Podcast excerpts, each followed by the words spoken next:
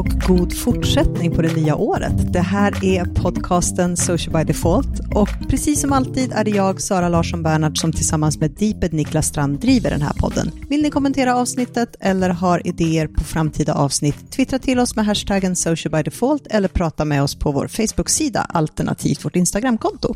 Hej Sara, gott nytt år och allt det där. Detsamma till dig. Söndag kväll. Lite grann i slutet på en konstig ledighet. Och det är ju knappt någon ledighet, utan det är ju normala helger med lite bonus. Ja, men precis. Jag har ju inte varit ledig någonting egentligen med tanke på att jag precis har bytt jobb. Det är ju lite oturligt när man byter precis där i oktober. Jag har förstått att om man börjar på ett nytt jobb i augusti-september, då hinner man liksom tjäna in lite. Och sen så när man börjar i oktober så är det mm. någon slags brytpunkt. Och visserligen har jag fått några förskottssemesterdagar, men jag tänker jag ska spara dem till nästa år. Så att det var en riktigt usel jul utifrån det perspektivet i år faktiskt. Och det är ju en usel jul eftersom alla helgerna mm. ligger på helger. Liksom. Samtidigt är jag värdelös på att vara ledig. Så generellt sådär. Annars i jul då? Alltså, jag tror du och jag har, när man väl har kunnat vila, har gjort ungefär samma sak. Man har tittat på otroligt mycket streaming. Jag har för första gången verkligen binge-watchat olika saker under julen. Jag har nog som sista man eh, sett Tjernobyl, äntligen. Mm. Helt blown away av den, som du nästan misstänkte. Och sen tipsade ju du om en podcast bakom kulisserna som jag nu också mm. liksom, lyssnar ikapp mig på. Det är ganska intressant jag menar, att faktiskt göra det. Gillar man en serie som är relativt stor ändå, så ska man faktiskt kolla om det inte finns en podd som följer den. För det finns ju för flera av de stora serierna har man gjort mm. ungefär som Tjernobyl då gjorde, att man liksom har ett avsnitt per avsnitt mm. där man förklarar. Och, och, när det gäller Foundation som ju är den stora Apple-grejen, så eh, då sitter det han som har gjort serien och faktiskt får lov att förklara för folk vad som egentligen händer eftersom den är så otroligt invecklad. Och det passar ju mig, för jag har ju en liten liten tendens att nörda ner mig när jag tycker att någonting är superspännande. Jag gjorde ju det för två jular sedan också när jag också som man såg Lord of the Rings och sen typ tittade på 40 timmar bakom kulisserna dokumentärer som jag hittade på YouTube om den. Så att det här passar mig jätte, jättebra. Men vi hittade ju också en eh, på HBO, en ganska nysläppt dokumentär som heter Fake Famous. Mm. som vi båda två såg, mm. som handlar om influencers och kortfattat, de gör ett test. De plockar tre personer som har runt 1200 följare på Instagram och sen stylar de, hjälper till med duktiga fotografer och köper följare, och kommentarer och likes för att se liksom hur långt kommer de innan samarbetena börjar trilla in. Jag tror han hade varit på New York Times eller om han var den journalist som då ville mm. bevisa att det spelar ingen roll vad du kan eller vad du är utan allt är egentligen bara fake. Det som jag tyckte var intressant var ju just att de kunde ju visa att man kunde driva det här och de gjorde en hel del intervjuer med då social media-människor som kunde berätta det. Men samtidigt hon som lyckades bäst var ju faktiskt ganska duktig på att vara influencer. Alltså någonstans ja, hon, kunde det trade liksom. Hon följde ju deras regelbok fullt ut. Medan de andra två kanske vart lite, det vart lite mycket friktion där. Vi ska inte spoila för mycket, men Nej. hon följde deras regelbok och eh, lyckades att faktiskt det som ändå bevisar, det räcker inte bara att köpa följare. Liksom. Då kommer man egentligen ingenstans så. Man måste också jobba vidare med det man har fått i det här. Annars så får du ju bara de du köper och de kommer ju ändå inte generera så mycket Nej. av sig själv. Väl värd att se. Finns på HBO om jag glömde säga det för er som har HBO då. Annat? Mycket promenader. Vi lyckades ju inse båda två att när vi satt och eh, förra året i december och till och med kanske runt nyår så sa ju du så här, vi hade ju promenerat ganska mycket tillsammans, då sa du att vi kanske borde promenera på riktigt, alltså ta morgonpromenader och eftermiddagspromenader. Och vi gjorde ju ett mål att se om vi kunde stänga alla ringar alla dagar under 365 dagar på Apple Watchen. Precis, och det lyckades vi ju. Ja, du vann ju den. Du har ju fan lyckats varenda dag. Jag har ju fem minuter första april på den gröna ringen som jag utan någon outgrundlig anledning inte dubbelkollade. Grattis!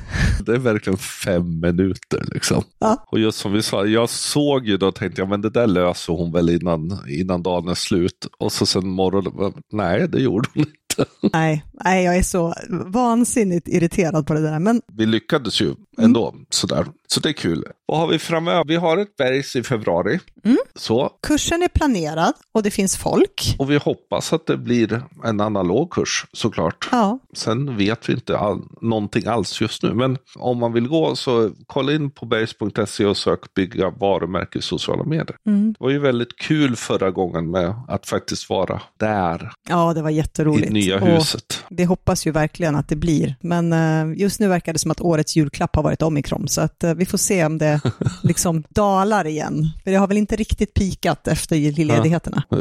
Jag har sett många som har använt de här snabbtesterna som julpynt i granen. Det är trevligt. Det har gått ett år. Mm. Händelserikt år för dig framförallt som har bytt jobb kan man mm. lugnt säga. Men det har också hänt en del i sociala medier. Vi tänkte vi, vi pratar lite runt det och diskuterar det och så landar i vad kommer nu liksom. Men om du ska titta tillbaks på förra året, nu är det ju ett långt år, men det som du tyckte har påverkat eller förändrats i sociala medier mest, vad är det liksom den här första grejen som dyker upp i ditt huvud när man ska säga sig, vad hände i sociala medier förra året? Det skulle nog jag säga video. Det känns som vi sagt det varje år, men jag menar just video, kort video, alla som skulle haka på den trenden blev verkligen under 2021.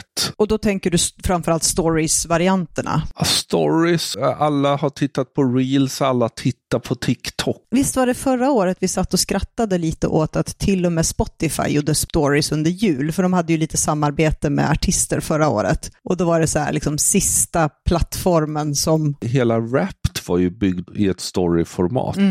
i år. Ganska dåligt gjort. Så alla har ju åtminstone prövat och testat. Och, alltså vertikal kort video då. Så det kom till LinkedIn och Twitter. Och försvann från LinkedIn och Twitter. Men även TikTok har det. YouTube har shorts och den kommer stanna kvar som ser ut för fler och fler kreatörer börjar använda det. Video generellt får ju då ett uppsving, liksom har ju fått mm. ett uppsving. Och det känns som att vi har landat där ungdomarna landade redan för fem sedan. Uh, why read if you can watch? Det har väl krypit upp i åldrarna mer och mer, att man, eh, det är lättare att titta på en video än att ta sig igenom en text. Ganska ledsam utveckling om man tänker så, men å andra sidan sociala medier är ju framför allt mycket underhållning och då blir ju video ganska enkelt att konsumera. Det var ju här på slutet av året som också Instagram flaggar ganska hårt på att vi inte längre en bildtjänst. Nej. All video ska vara integrerad. Man drar ihop all video ett format format så att säga. Men det som jag kan tycka, för vi har ju diskuterat det under året och även de senaste åren, det här att alla ska vara allt för alla hela tiden. Kortvideorna har väl kanske visat att det inte är så. Verkligen. Det fungerade inte på LinkedIn. Det fungerar inte på Twitter. Vi, vi är inte där för att konsumera information på det sättet som kortvideo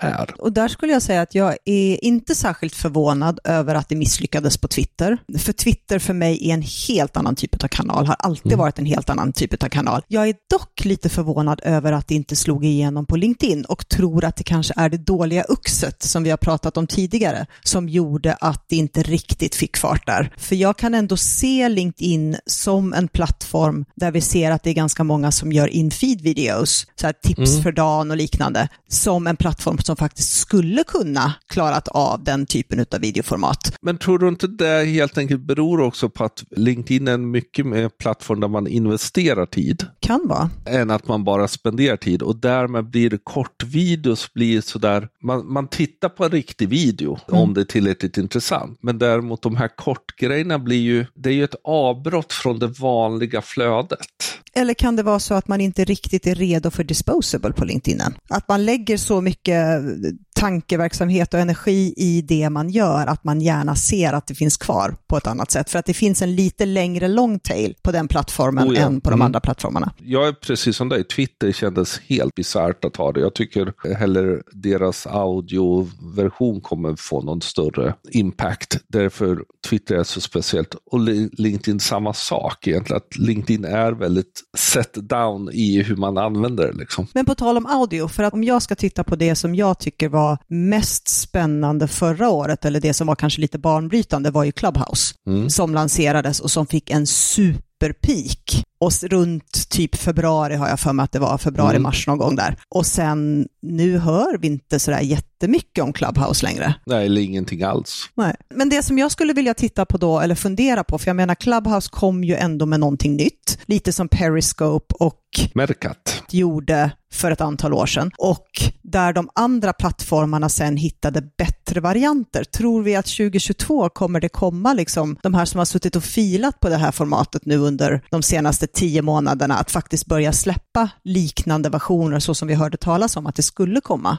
Twitter har ju startat Spaces och, Mm. och det dyker ju upp ibland. Det är ju inte alltid något rum igång om man säger så. Då följer jag ändå ganska mycket folk. Spotify släppte ju sitt Green Room. Slack har släppt också en version. G Live Rooms är ju en form av det. Och Facebook har ju en, också en som är IG Rooms, men den finns bara i USA. Men det är ju ingen av dem som har fått den där jättetrycket. Och där är det ju också plattformar som vi är vana vid att titta på Mm. och att läsa. Clubhouse kom ju från sidan och frågan är, klarar de här plattformarna av det här formatet eller hamnar vi i samma situation som när Twitter försöker göra stories? Att det är inte den plattformen så att de inte riktigt kommer lyckas. Vad är det, 92 procent har inte ljudet på när man är på sociala medier. Mm, typ. Det här är bara ljud. Det som jag tycker Clubhouse fortfarande har som idé och fenomen, det indikerar ju ändå att vi är på väg in ett annat sätt att kanske vara, men att vi ännu inte egentligen har hårdvaran för att vara det.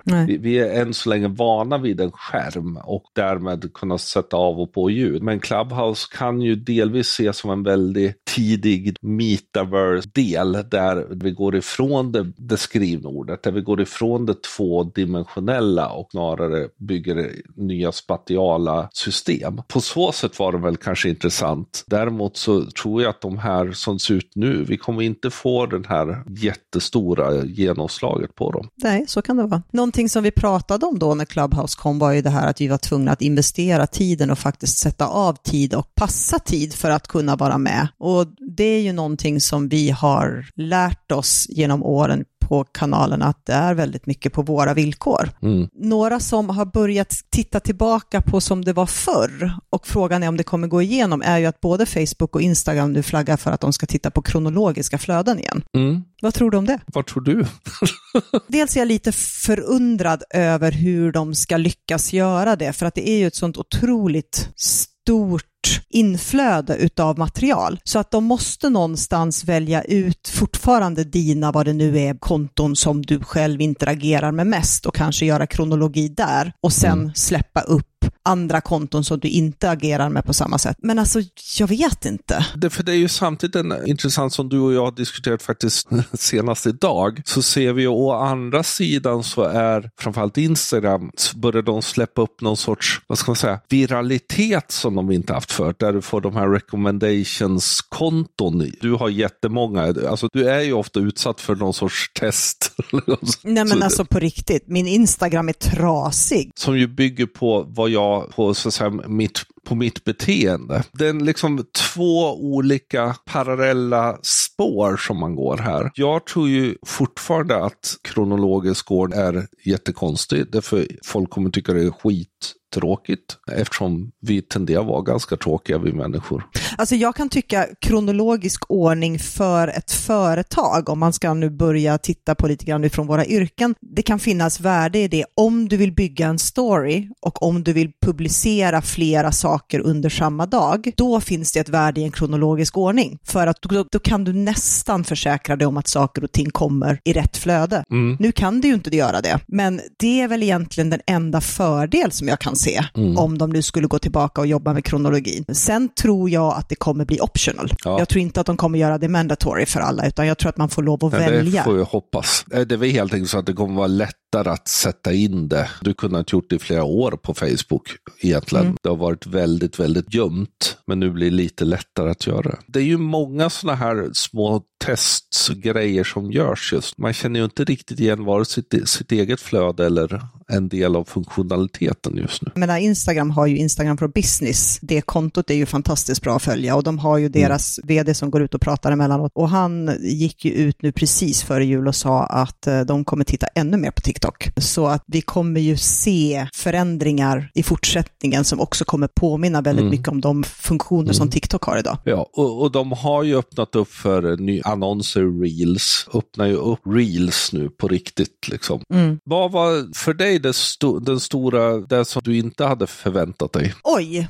under förra året? Ja. Nej, men det är väl egentligen att Jack slutar på Twitter. Okay. Att han ja. äntligen hoppar av. Jag menar, det kom väl kanske lite grann. De har ju haft problem och förr eller senare så bör man byta toppen om man ska kunna innovera och utveckla. Så det vart en väl en, en liten sån här, jaha, okej, okay, vad händer nu? Och samtidigt så kom han ju in för att det var riktigt kris och har ju ändå gått åt rätt håll. Han har ju varit vd för två jättestora techbolag samtidigt. Det som är intressant i det här är ju också att det är ju bara Mark Zuckerberg och Even Spiegel på Snapchat mm. som är kvar nu, som är då founders. Ja men precis, och Even har väl några år på sig till om man jämför med Mark Zuckerberg som har varit med sedan begynnelsens ja, begynnelse. Där både du och jag har väl varit rörande överens om ganska länge att han faktiskt borde hoppa av för att ja. någonstans kanske rädda Facebooks trovärdighet, skulle jag säga. De behöver mm. få in någon annan än, än Mark. Det är ju intressant, för Mark Zuckerberg är ju samtidigt, tror jag, ibland det som kan rädda Facebook, eftersom han fortfarande har någon sorts nördig vision om saker och ting. Och drev hela den här att byta namn till Mesa och Metaverse och driver väldigt mycket av den utvecklingen. Samtidigt som är han någon sorts liksom motsatsens Steve Jobs. Sådär liksom. Om Steve Jobs gjorde allting rätt även när han gjorde fel, så gör mm. Mark Zuckerberg allting fel även gör rätt. I perceptionen för människor. Jag tror att de behöver få en ny, en annan röst för att kunna behålla. För det, det är ingenting som säger att Facebook, folk hoppar ju inte av Facebook, folk använder Facebook mycket, lika mycket som förr, men de har ju haft ett ganska tufft år, både 2021 men även före, så att det är nog dags att de vänder blad och börjar på ny kula i med Meta också. Mm. Och jag tror att då behöver, då behöver han steppa tillbaka. Och hela Meta-grejen känns ju som att det är verkligen någon sorts, nu gör vi någonting annat. Vi kan inte dra det här vidare. Och det är någonstans, på tal om det, dra det vidare, alltså det stora Facebook-haveriet var ju också en intressant sak som hände under förra året, när alla Facebook-tjänsterna låg nere i sex timmar. Ja, det var ovanligt. Det var ju inte sådär, det var länge sedan det hände och det vart ju verkligen total, total kaos. Man ser hur mycket pengar som försvann. Det, mm. Eftersom många småföretagare, många e-handlare är så otroligt beroende av Facebooks plattformar. Det visar ju också på sårbarheten i mm. det, när man faktiskt investerar så mycket tid, så mycket närvaro, så mycket pengar. Oavsett om man är liten eller stor så är det ju comparison mm. och helt plötsligt så slutar en plattform att fungera. Mm. Jag tror att det var många som också drog öronen åt sig och insåg att okej, okay, vad gör vi om det här händer igen? Hur ska vi liksom kunna sprida ut vår närvaro? Hur får man tag på oss på andra sätt? Vad, vad har vi för backup och beredskap mm. om det händer? Ja, problemet är ju också att det är just för att ett sorts egenspelande universa. Så jag mm. menar, du ser en annons, du klickar på det, du gör social hopping numera faktiskt i plattformarna. Vilket innebär att du kan ha hur fina egna webbsidor som helst, men har de inte sett annonsen så går de inte Nej. och shoppar. I det här fallet så blir det ju en annat sätt att tänka och det är inte helt självklart att säga att ja, man måste ha sin egen eh, webbsida, då klarar man sig. Ja, men det är inte säkert. En, en grej som jag vet att du blev väldigt till dig över, det var ju när LinkedIn släppte articles för ja. företagssidan.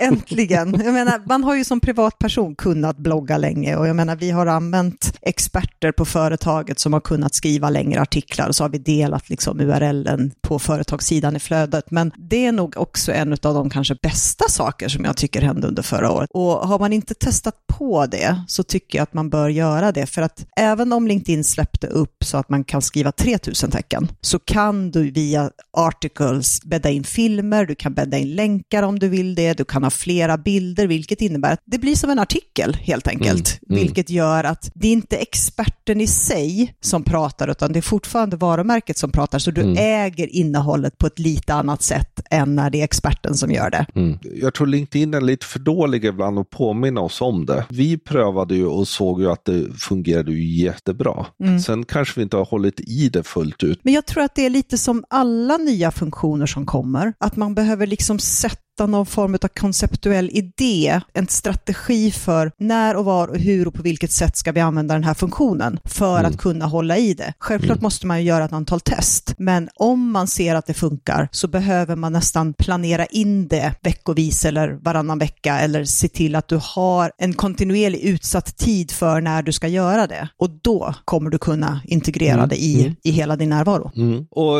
tror du att vi kommer få se mer grejer för LinkedIn då? pratade jag om det nyss, de släppte ju upp stories och det funkade ju inte, men de sa ju att de skulle bygga någonting liknande och jag tror inte riktigt de har släppt den idén. Så att jag tror att vi kommer få se en typ stories-variant på LinkedIn under 2022. Jag hoppas att den är bättre än vad den förra. Och sen är jag fortfarande lite förvånad över att LinkedIn ännu inte har en kundservice-ingång. Du kan alltså inte dema företag, utan bara jobba under kommentarerna under inläggen. Och det tror jag att eh, de jobbar på. Sen om de släpper det under 2022, det har jag ingen aning om. Det kommer ju sätta oss alla som jobbar i det här i en annan dager. Men eh, En sak som förvånade mig var Mm. att plötsligt så kom nyhetsbrevet tillbaka och blev någon sorts eget litet socialt medie. Alltså, nästan alla av de gamla sociala mediemänniskorna som man har följt har också skapat ett nyhetsbrev som man får i sin mailbox.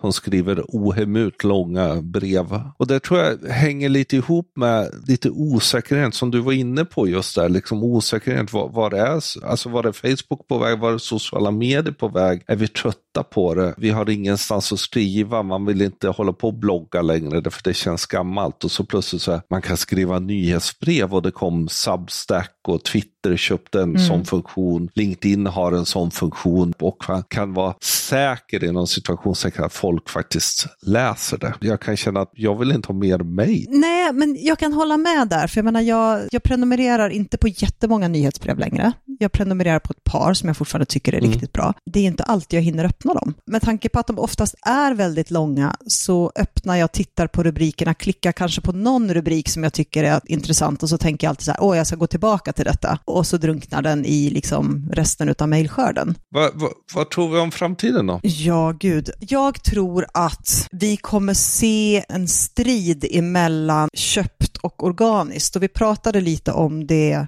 i en av de senare poddarna, just det här att vissa stora bolag, framförallt på Facebook, har slutat göra organiskt innehåll. Och jag tror tyvärr med sorg i hjärtat att eh, om inte Facebook förändrar någonting dramatiskt i sin algoritm och faktiskt släpper upp det organiska mer än vad de gör idag, så kommer vi se fler och fler företag som väljer att bara köpa och helt enkelt låta det organiska dö. Och det har väl med att man har svårt att se kortsiktiga värden med det. Lite som du är inne på att det har varit så svårt att få räckvidd på det. Mm. Och det krävs så otroligt mycket, för det krävs att du gör riktigt bra innehåll, helst två, tre gånger om dagen, men åtminstone dagligen. Och ser du då inte att du har speciellt stor reach på det, då tror jag att man tycker att ja, men då tar vi den tiden tar att göra det här innehållet, kan vi lika gärna göra eh, kortare ads och använda de pengarna att köpa upp istället. Mm. Vilket är lite sorg, för jag tycker att sociala medier är den sociala delen och Mm. i annonsbiten så tappar du det sociala. Du använder det som ett vilket annat medie som helst. Mm. Så även om jag inte vill se det så tror jag att vi kommer se det under 2022. Och jag menar, både du och jag är ju konstant i sådana diskussioner i våra jobb. Och jag tror, tycker ju som dig. Jag tror ju att det finns ett värde, ett varumärkesvärde, organiskt innehåll, om man gör det bra. Och det är ju någonstans där, liksom, alla kommer inte kunna göra det bra och då kanske man inte ska göra det. Men de som kan göra det bra, är det för tråkigt om det försvinner? Jag tror att vi kommer se väldigt mycket mer om en, en annat sort att monetarisera innehåll. Därför vi har dels sett där mer premiumaktigt, att Twitter Blue, Discord har olika, vi ser poddar där du kan lyssna på en annonsbaserad podd och sen kan du lyssna på en mycket längre version för att du betalar 5 dollar i månaden och sådär. Vi har super follows, funktionaliteten, helt enkelt att liksom man, man köper det Aftonbladet plus, men i, på sociala medier. Samma sak också att de som är creators, alltså influencers och, och får mycket mer möjligheter att på plattformarna skapa flera intäktsflöden. Där framförallt TikTok ju öppnar upp liksom en egen liten influencer agency internt och vi får funktioner. Facebook har Patreon-funktion på sin gamingplattform. YouTube håller på och bygger den för att man ska då kunna få pengar för det man gör som kreatör. Jag kan se varför folk kan vara villiga att sponsra eller betala för kreatörer, men utifrån ett varumärkesperspektiv, tror du att det kommer gå för varumärke? Vad är det som ska ge mig ett incitament som individ att faktiskt betala för att få premiumsaker från ett varumärke? Och i så fall, vilka varumärken kommer lyckas med det? Dels så tror jag att just premiummedlemskapet kommer de alltid egentligen vilja göra annonser i också.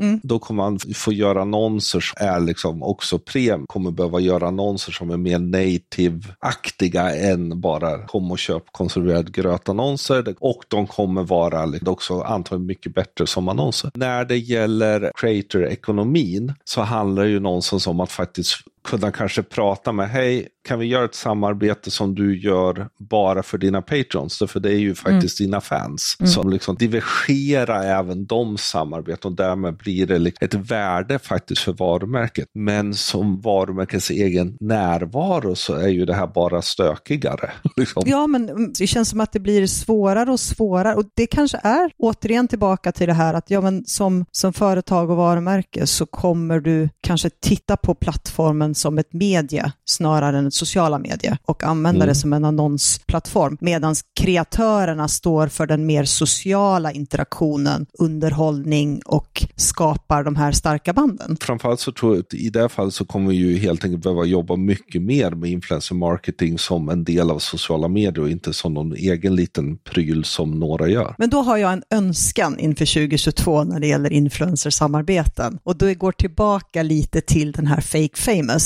att man som företag faktiskt tittar på mer än bara siffror och följare och räckvidd, att man faktiskt hittar autenticiteten hos influencern, att man får influencern att berätta en djup djupare story än att som i väldigt många fall kanske bara vara a pretty face som visar upp ett plagg. Att man faktiskt väver in storytelling i det på ett annat sätt än vad det vi har sett nu. Och där framförallt också tror jag för influencers att inse att man faktiskt måste visa att man kan göra det även annars. Inte bara när man har ett samarbete utan i annat har man så här, någon one-liner liksom. Utan jag tror det blir jätteviktigt. Och de som kan göra en storytelling på riktigt kommer bli de som växer mer och mer. Ju mer mogen kreatörsekonomin blir mm. så kommer ju det också förändras. Kommer ha några stora som i princip är billboards som liksom bara kör ut grej efter grej. Men framförallt i mikrosvängen så kommer det behövas vara folk som är lite mer specialiserade, som verkligen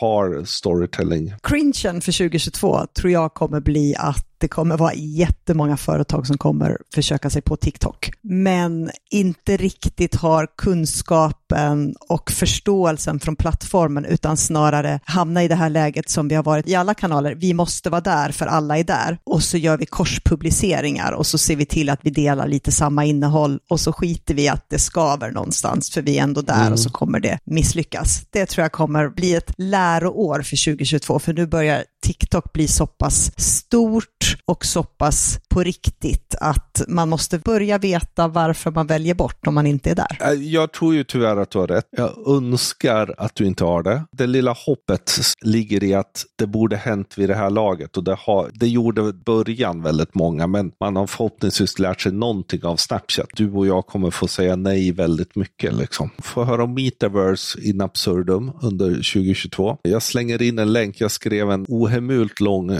bloggpost om Metaverse och det hänger ju ihop med AR och VR som både Apple Apple och Facebook vill mm. göra och där alla nu springer på det. Och det känns som vi är i Second Life en gång till. Och Precis. det är både lite cringe och det är lite så här, oh, en gång till, ska det funka den här gången? Var det alldeles senast så är det Nike då som bygger deras metaverse i Roblox. Mm. Alltså jag kan säga, jag tror att vi kommer kräkas på det ordet under de första tre månaderna under 2022. Alltså det riskerar ju att bli den nya sociala medier, liksom så här, när man var i Almedalen typ 2010 2010, 2011, alla pratar om sociala medier så finns det en risk att det blir metaverse som alla ska försöka skohorna in i någonting nu. Jo, och det, och det är ju lite grann där vi var när företag öppnade Facebook-sidor för 12 år sedan. Mm. Nu är det samma sak här. Alltså du kan få ganska mycket PR för det och mm. folk vet inte riktigt vad det är, man tycker att wow, det här är något nytt, det här är något coolt, det här är något av mm. det som kommer. Något mer vi tror inför nästa år? Det jag tror, och det här är väl egentligen bara en förlängning på någonting som vi redan har sett, jag tror att eh, plattformarna kommer bli ännu mer lika när det gäller bildformat. Mm. Det kommer bli 1.1 och 4.5 överallt. Vi kommer gå ifrån landscape-bilderna fullt ut. Nu är det väl egentligen på LinkedIn och Twitter vi ser dem fortfarande. Mm. Men vi vet att 1.1 funkar, 4.5 funkar på båda, så att jag tror att det kommer nästan bli en universell bildfilmformat. Vi är på väg från 1.1, mm. både när det gäller bild men också när det gäller film. Mm. Eftersom vi också måste bli duktigare och duktigare på att göra vertikal video, 9.16 video, både för kortdelar men också för eh, TikTok och Reel. Men annat än det så ser jag väl egentligen ingenting som kanske direkt påverkar imorgon, det man gör. Sen hoppas ju jag i ändå att den sociala biten kommer komma tillbaka. Mm. Att, att vi kommer prata med varandra mer, att man kommer liksom skapa innehåll som driver mot dialog och engagemang. Där har jag en liten, liten förhoppning runt rekommendationsdelen. Det för, förutom att bara gå på så att säga, ditt beteende, en rekommendation bygger ju på vad andra tycker är bra. Så jag menar delningsfunktionalitet och sånt som man har sett inte haft så stort värde kan jag hoppas hoppas att återkommer in i algoritmerna och får lite mer värde. Det är mer en förhoppning tror jag i någon sorts gammal sharing is caring nostalgi ibland, men jag hoppas det. För jag tror att det är en viktig del i det sociala. Det var det vi hade idag. Tack för oss och vi lägger de länkar som vi kan hitta till som passar till innehållet i våra show notes och de hittar ni som vanligt på podcast.socialbydefault.se. Glöm inte att prenumerera på oss. Vi finns på Spotify, Apple Podcaster, Soundcloud, Acast och Stitcher och det är bara att söka på Social by Default. Om ni gillar podden, ge den jättegärna betyg på de ställen man kan göra det. Och skriv gärna en recension. Som vi tidigare sagt, som ni borde kunna vid det här laget, tyck till med hashtaggen Social by Default på Twitter. Ja, där man använder hashtaggar. Prata med oss. Vi finns på Facebook, Twitter, Instagram. Vill man prata och följa oss personligen så heter jag Deeped överallt. Och jag heter Sanna C. LB överallt. Till nästa gång, ha det så bra. Bara de är. Hej då! Hej då!